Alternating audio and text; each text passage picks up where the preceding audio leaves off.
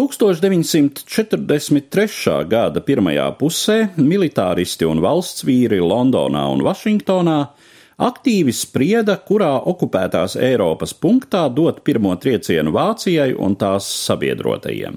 Galu galā pārsvaru guva Britu premjera Winstona Čērčila viedoklis jāuzbruk Itālijai. Lielu daļu Balkānu tobrīd kontrolēja itāļu spēki, un ja Itālija izstātos no kara, vāciešiem nāktos šurp pārsviest savas divīzijas no austrumu frontes un pārējās Eiropas. Tapa plāns operācijai Husky, iebrukumam Sicīlijas salā, kas sākās naktī no 1943. gada 9.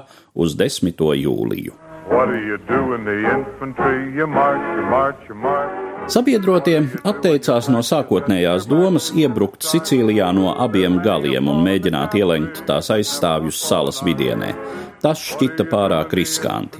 Tāpēc divas armijas izcēlās krastā viena otrai līdzās. Britu 8. armija ģenerāļa Montgomerija vadībā Sicīlijas dienvidu austrumu stūrī, bet amerikāņu 7. armija ģenerāļa Patona vadībā tālāk uz rietumiem. Britu armijai tika pievienota arī kanādiešu divīzija un tanku brigāde, vēl sabiedroto spēkos darbojās arī brīvās Francijas, Austrālijas un Dienvidāfrikas vienības. Sauszemes spēku vispārējā vadība bija uzticēta britu ģenerālim Heroldam Aleksandram, bet visu operāciju komandēja amerikāņu ģenerālis Dvaits Eizenhauers.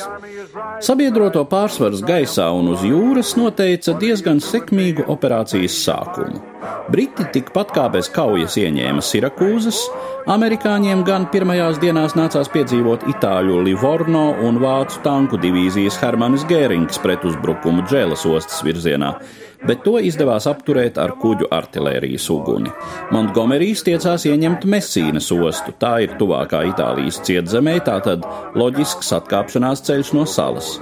Šeit aizstāvji pretojās visiem spēkiem, un Montgomerijs pieprasīja, lai viņa flanga atbalstam pārsviež amerikāņu vienības. Aleksandrs piekrita, arī Patons tobrīd nepretojās, bet amerikāņu ģenerālis Omārs Bredlijs gan bija ļoti neapmierināts. Šī spēku pārsviešana liedza viņam ielenkt veselu vācu tanku korpusu.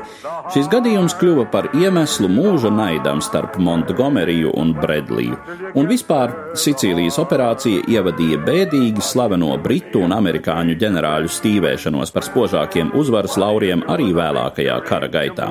Daži vēsturnieki pat uzskata, ja nebija šīs stīvēšanās, rietumu sabiedrotie būtu tikuši Eiropā daudz tālāk, attiecīgi mazāku tās daļu atstājot Staļinam. Galu galā arī amerikāņu spēku pārsviešana nedēva Britiem cerētos panākumus. Tikmēr amerikāņi sekmīgi uzbruka salas vidienē.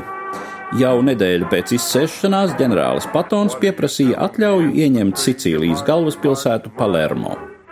Aleksandrs iebilda, liekot koncentrēt spēkus Mesīnas virzienā, taču Patons ignorēja viņa pavēli, vēlāk apgalvodams, ka tā pienākusi sakaru traucējumu izkropļota, un 22. jūlijā kā uzvarētājs iebrauca Palermo. No tīri militārā viedokļa taisnība bija britu ģenerāļiem, tomēr psiholoģiski Palermo krišanai bija būtiska nozīme.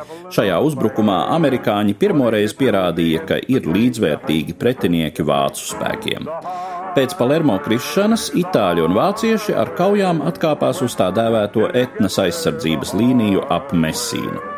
Šo aizsardzību tā arī neizdevās salauzt līdz 17. augustam, kad vācieši un itāļi bija sekmīgi noslēguši evakuāciju.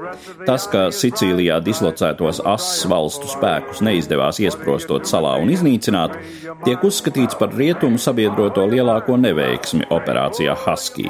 Daudzas no Sicīlijas izvestās vācu vienības turpināja cīņu Apenīnu pussalā, un Itālijas ieņemšana izvērtās ilga un asiņaina. Stāstīja Eduards Liniņš.